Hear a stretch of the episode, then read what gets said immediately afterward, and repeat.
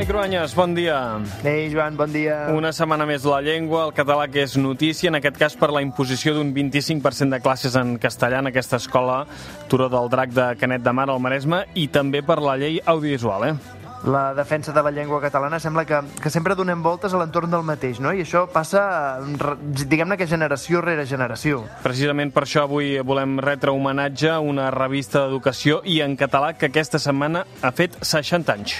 A veure, avisem que mm, ens posarem una mica nostàlgics. Sí, clar, evidentment, perquè avui amb Antoni Cruanyes repassem la història de Cavall Fort. Paf era un drac màgic que vivia al fons del mar. Una cançó, Toni, del grup de folk que ens porta a la nostra infantesa i, i, i també, per exemple, als nostres fills. Jo és una cançó que, que me l'havien posat de petit a casa i que ara sóc jo el qui li posa el seu fill. Sí, nosaltres a casa també fem igual. Eh, a veure, hem d'entendre que aquella època, a l'inici, és a dir, quan va sortir Cavall Fort, el català sobretot es respirava a través de grups de música, de joves. L'església catalana també va ser important. Ens hem de situar a l'any 1961. Surt també la revista Serra d'Or, és l'època de la nova cançó. El franquisme començava a obrir-se tímidament. I, I és en aquest uh, context que apareix el Cavall Fort. Per cert, que el nom uh, fa referència a un joc... No sé si tu hi havies uh, jugat, Toni, de petit. Sí, sí, sí, al pati de l'escola un grup es posava en filera, jupits de cintura cap amunt, eh, agafats un davant de l'altre, i la resta saltaven a sobre, amb, amb força, amb mala idea, perquè la idea era fer caure'ls de sota. En castellà en deien churro, media manga, mangotero, adivina lo que tengo en el puchero, no sé. Nosaltres jugàvem en català, però a la meva escola eh, eh, en dèiem cavall fort, clar. Sí, potser perquè mm, es veia com un joc infantil, el franquisme va permetre mm, que es, fet, uh, que es fes servir el català en, en aquella publicació, eh? El cavall fort prenia el relleu de la tradició de la premsa infantil, de còmics, d'abans de, de la Guerra Civil, que es va estroncar quan va deixar de publicar-se la revista Patufet, l'any 1938. Patim, patam, patum, homes i dones del Ens passa aquí amb en Patufet com amb el Paf era un drac màgic que ens podem veure tant a nosaltres mateixos cantant-la com als nostres fills eh, aplaudint. Més de 20 anys després de- d'aquest silenci imposat eh, per la guerra eh, i pels primers anys de, del règim feixista, les famílies catalanes van poder tornar a tenir una publicació per l'educació i l'entreteniment dels infants.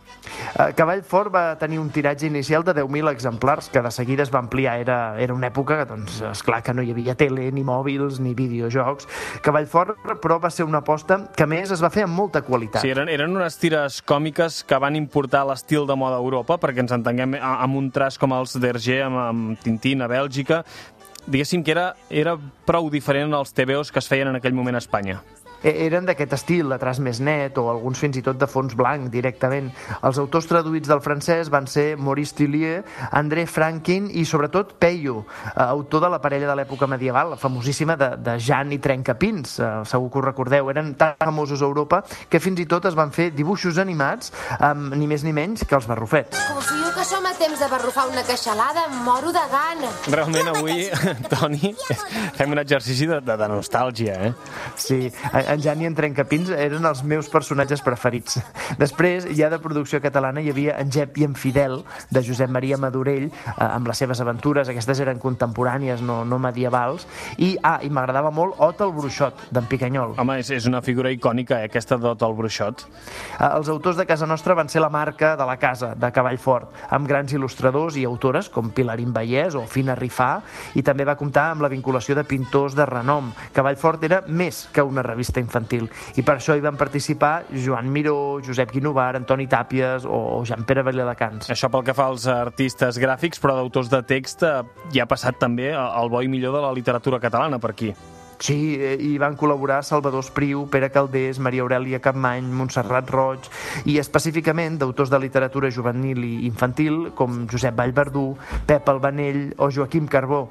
Ell va ser l'autor d'una de les sèries més populars, La casa sota la sorra, amb dibuixos també de Josep Maria Madurell. Tenir un objectiu, voler-hi arribar, En aquest eh, fil que ens ha anat eh, portant des del principi de Cavall Fort eh, fins avui, amb Toni, arribarem a les 9 amb una cançó que cantava un dels personatges que fins ara han protagonitzat el Club Super 3, la, la Pati Pla.